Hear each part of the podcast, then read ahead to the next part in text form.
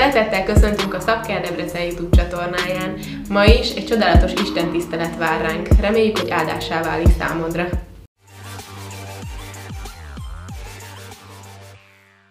Szeretnénk tovább menni, és egy olyan témáról beszélni, amely egész különleges, soha nem hallottam még igazából erről prédikációt. Az üzenetnek egyébként a címe eh, le a sztoicizmussal. Amen. Ez egy nagyon jó keresztény cím. Légy szíves, hogy a, mutassátok meg ezt az igét, az igéből, azt sem tudom egyébként, pontosan így kell mondani, de szerintem ez a legjobb szó rá. Én, mint, én egyébként én tanultam filozófiát valamikor, nagyon komoly tantárgy volt egyébként, végvettük, azt mondta a tanár, hogy könyvet lehet használni, puskázni lehet, de csak csendben. Így, valaki még így is hármas és négyes volt, na mindegy. De most egy kicsit filozófikus vizekre vezünk, de nagyon jó lesz egyébként, rövid és nagyon erőteljes lesz, meg fogja fogni a szíveteket. Na nézzétek meg! Pál tehát Atében várta Szilászt és Timóteust, ugye ez az Abcsel 17-ben van megírva, nagyon felbosszankodott azon, hogy a város tele van bálványszobrokkal. Itt is elment a zsinagógába, és vitatkozott a zsidókkal és az Isten félő görögökkel. Beszélgetett másokkal is a piasztéren. Néhány filozófus, filozófus az epikureus és sztoikus csoportból vitába keveredett Pállal. Néhányan ezek közül azt mondták, ez össze-vissza beszél. Mit akar mondani? Pál ugyanis beszélt nekik Jézusról és a feltámadásról. Ekkor azt mondták egymásnak, úgy látszik, valami idegen istenekről beszél. Amen.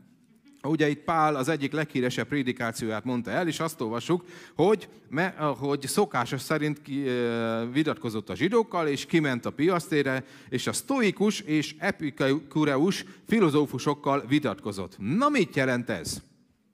Azt gondoltam, hogy ez nagyon fontos, hogy erről tudjatok, mert rengeteg szabkeres van, akinek fogalma sincs arról, hogy Pál miért vitatkozott a sztoikusokkal.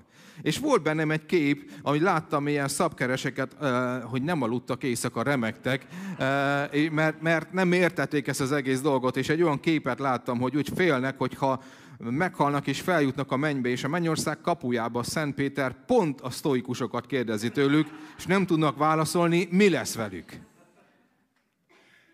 Tudatlanok voltatok eddig. A kegyelem az, hogy a tudatlanság idejét elnézte Isten, de most mondja mindenkinek, hogy vegyete, vegyétek a tudományt a sztoikusokról és az epikureusokról.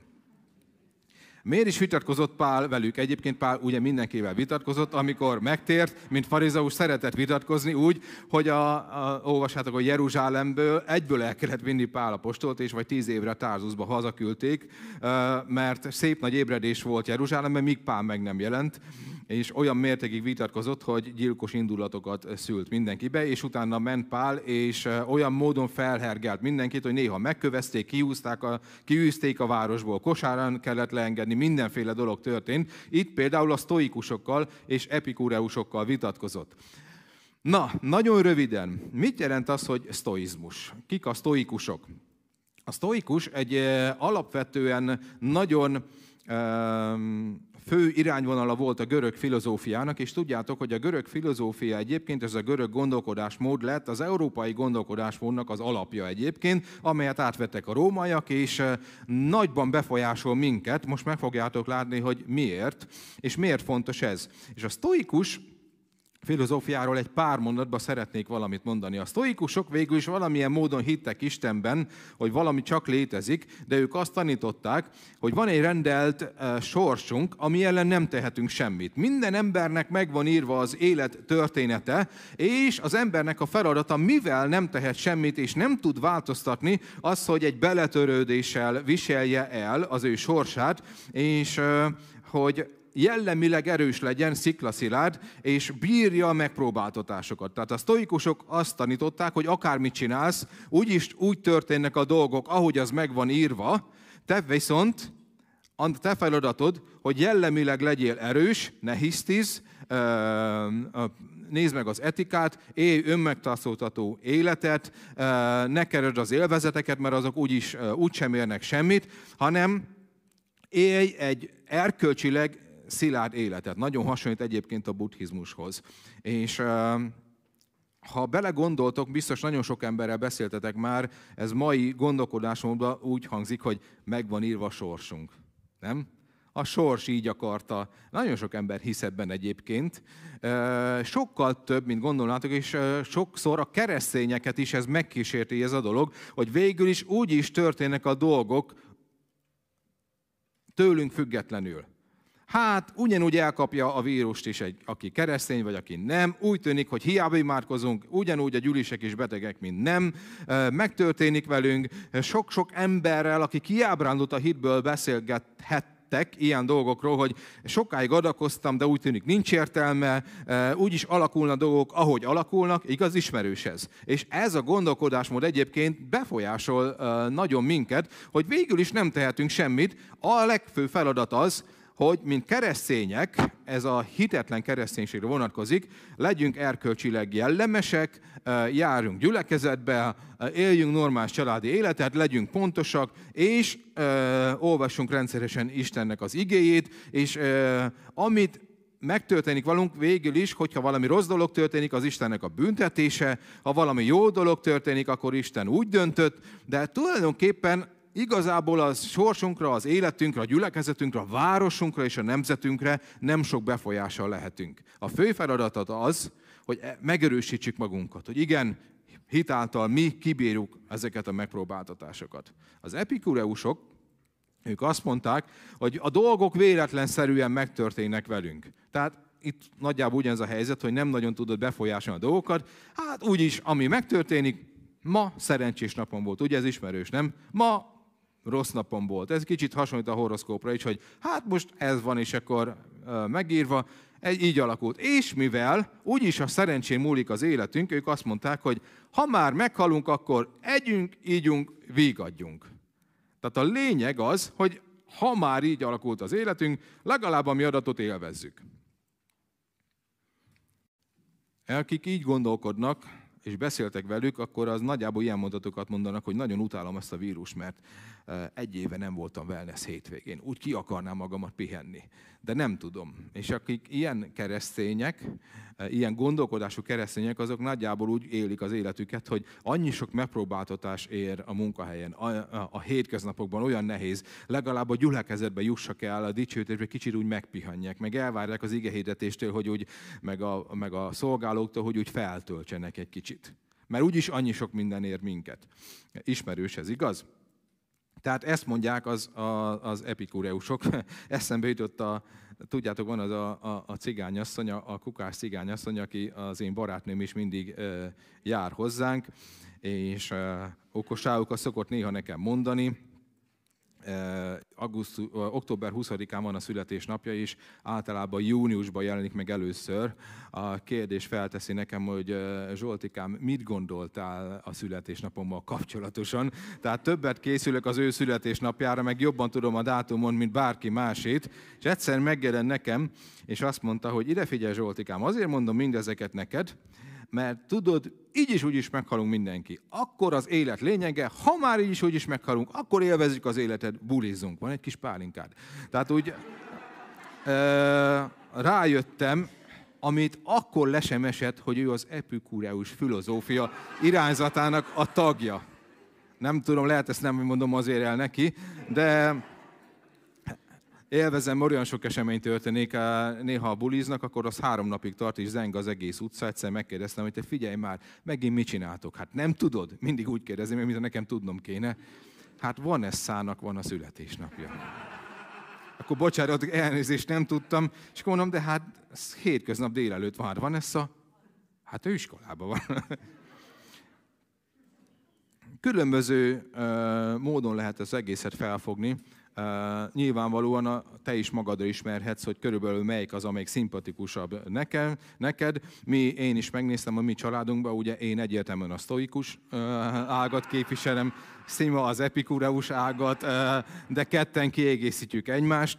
És a lényeg az, hogy A lényeg az egyébként, amiben nagyon sok vallás hisz, és egy, egyébként ez az európai gondolkodásmódnak a lényeg, egyszer már beszéltem nektek a deizmusról, jogis filozófiát tartunk, amely azt tanítja egyébként, hogy van egy Isten, amely megteremtette a világot, de aztán magára hagyta. És egyébként ez európai kultúrának, gondolkodásmódnak és a kereszténységnek eh, ez az, eh, ez az egyik legnagyobb baja, hogy nem sok Képzeljétek, egy keresztényekkel beszéltem, akik mondták, hogy nagyon nehéz tényleg abba hinni, hogy ő személyesen ismer engem, és minden nap, minden dolgával foglalkozik az én életemnek. Mert annyira távol áll tőlünk, mert ez a gondolkodásmód egyébként az ott van valahol bennünk, ezt halljuk az emberektől. Hogy a sorsban ez megíratott, hogy nem nagyon tehetünk semmit, és ha belegondolsz, hogy amikor emberek abba hagyják a közbenjárást például, abba hagyják a harcot, abba hagyják az Istennel való e, e, személyes e, közösséget és vallásosságba csúsznak, amögött ez van.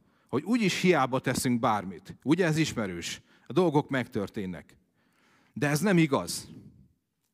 Pál nem véletlenül vitatkozott velük, mert egy nagyon fontos dologról beszélt Pálapostól. És ezt még szeretném most nektek elmondani, és ez az üzenetemnek a kulcsa. A sztoikus filozófiában azt a világ mindenséget irányító erőt, azt az energiát, ahogy ők hívták, amely meghatározza a sorsunkat, azt úgy hívták, annak a neve a logosz. A logosz, amely meghatároz mindent. A logosz, amely megírja mi sorsunkat. A logosz az az erő, amely irányítja a világot. Ők ebben hittek. És úgy hívták, hogy logosz.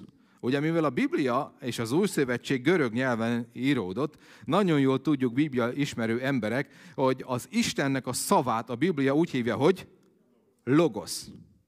Az a szó, amely le van írva, az a Biblia, az a logosz, és ami a személyes kijelentésed, az a réma. Ugye erről szoktunk beszélni, meg tanítani, de eh, régen mondtuk már a prédikáció eh, közben. Tehát az Istennek a kijelentett beszéde, az ő szava, a Biblia, az maga a logosz, amelyet megírt. A réma az, amely ebből a logoszból hozzád szól, amely egy személyes üzenet, amelyet meg tudsz ragadni, és amely megváltoztatja az életedet. És itt van az egésznek a kulcsa, és itt van egyébként a mi hitünknek az alapja. Nézzük meg a János evangéliuma első részét, amelyet nagyon jól ismertek, és most gondoljatok bele, hogy abba a görög kultúrába, amelybe az apostolok éltek, és ahol azt gondolták az emberek, hogy a logosz az az erő, amely irányítja a világot, megjelent, megírta János az ő evangéliumát, és gondoljátok bele, hogy akkor mit értettek ez alatt az emberek, jó?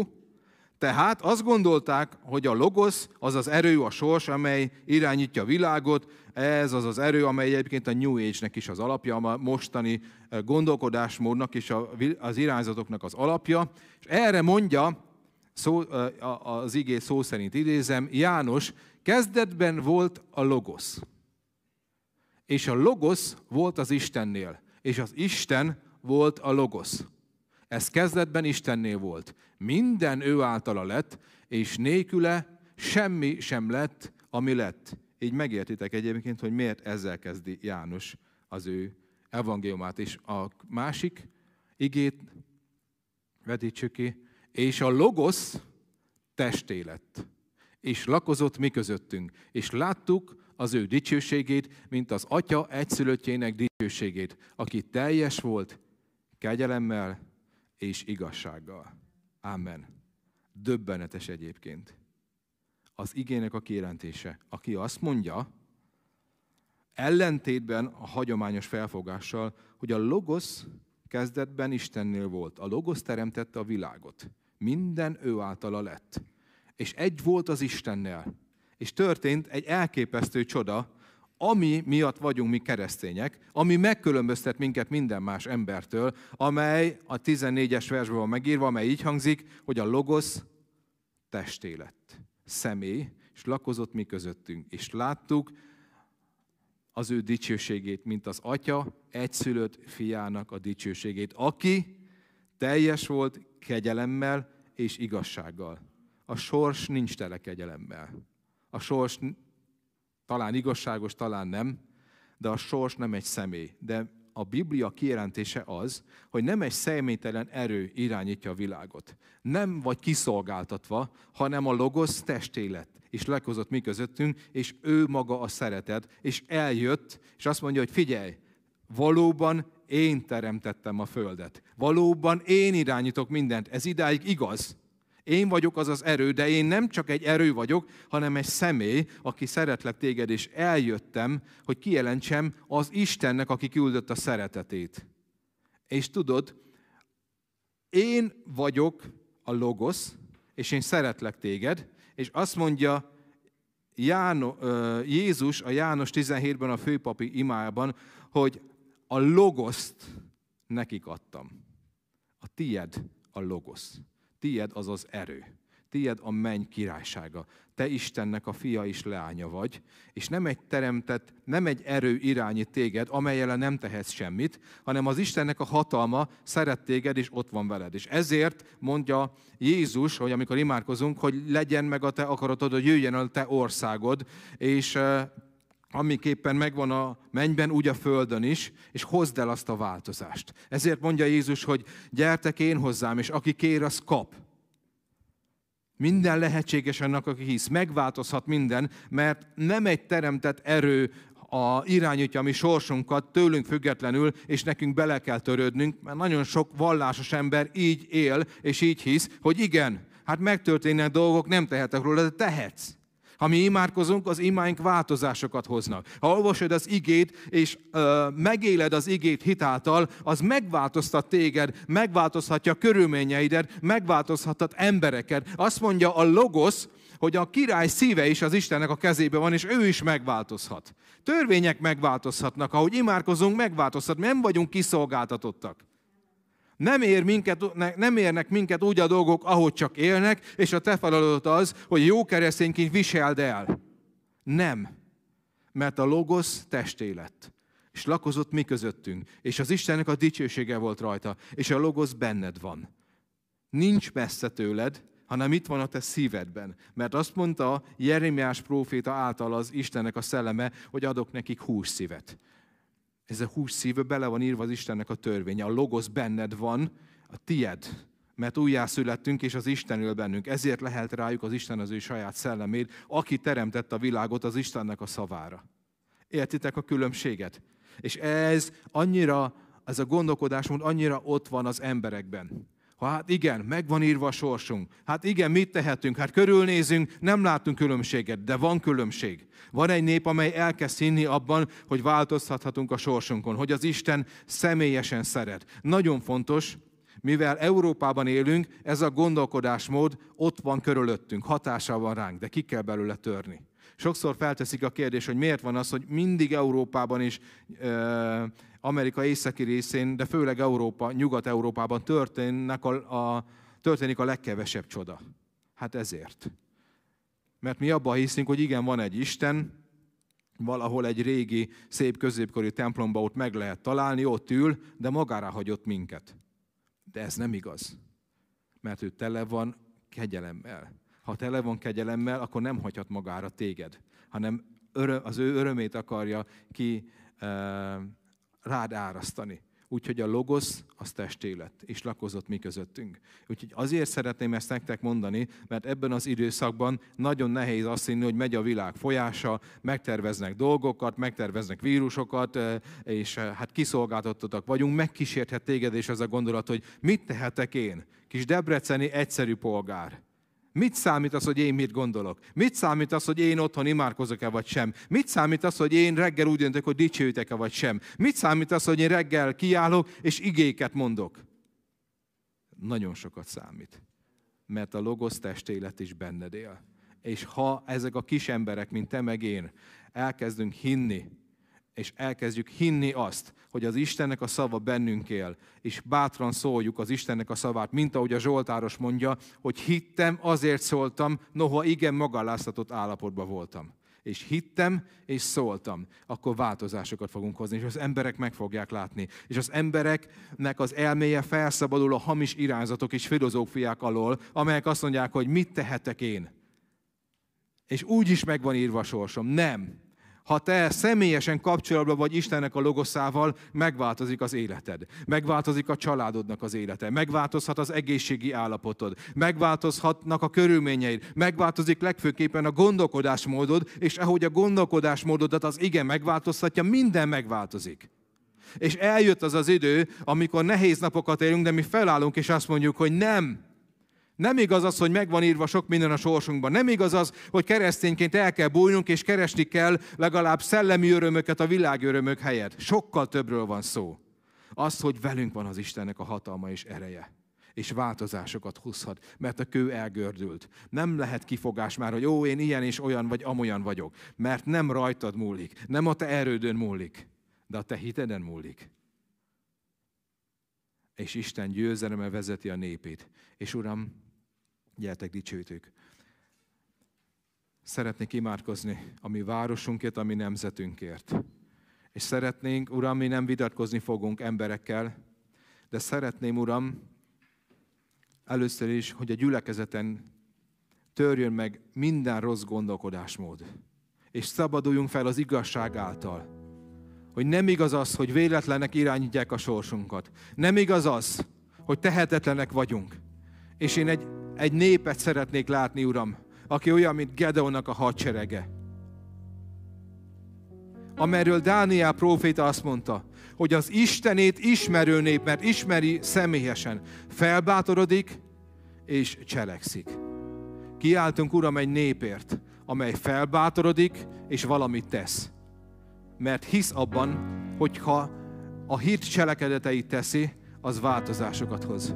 És hadd törjön meg, Uram, minden olyan gondolkodásmód, amelyen Pál se tudott mit kezdeni, és szegény Pál vesztesként hagyta el Atént, és ment Korintusba. És visszatért, azt mondja, visszatérek az evangéliumhoz. Uram, aki teremtetted a földet és a mennyet, ugyanaz az Isten vagy Jézus Krisztus tegnap, ma és mindörökké ugyanaz. Gyertek, álljunk fel. Utat készít, mert ő testé lett, és ott van benned. Nincs messze tőled. Megtartja az ígéretét. Ő személy, nem egy erő, egy olyan személy, akinek jelleme van. Az Isten jelleme a hűség. Hűséges minden szavához. Ő hatalmas és erős, és tele van igazsággal, de tele van szeretettel. Ő szabadító. Az ő neve Immanuel. Velünk van az Isten. Mi nem egy erőt szolgálunk, és nem vagyunk kiszolgáltatatlan, kiszolgáltatottak. Szabadok vagyunk, nem vagyunk körülményeknek a rabjai. És ki fogunk törni a rossz gondolkodásmódunkból, és felkelünk, és harcolunk, és én egy győztes népet látok, aki dicséri az Istent, és ahogy imádjuk az Istent, közöttünk van ő, és minden megváltozik. Gyere, dicsérd őt, imád őt, mint az asszony a szamarai útnál, és találkozni fogsz vele. Azért imádkozom, Uram, hogy ebben a városban a szeretteink személyesen találkozzanak a Logos Istenével. Hogy legyen személyes találkozásunk. Imádkozom azért, Uram, hogy aki most néz minket, és még nem volt személyes találkozása veled, tudja meg, hogy te élsz, feltámadtál, és élni fogsz örökön örökké, és egy szerető Isten vagy, és egy szerető apa vagy. Nem egy erő vagy, hanem egy apa. Mi atyánk, aki vagy a mennyekben. Mi imádunk téged most.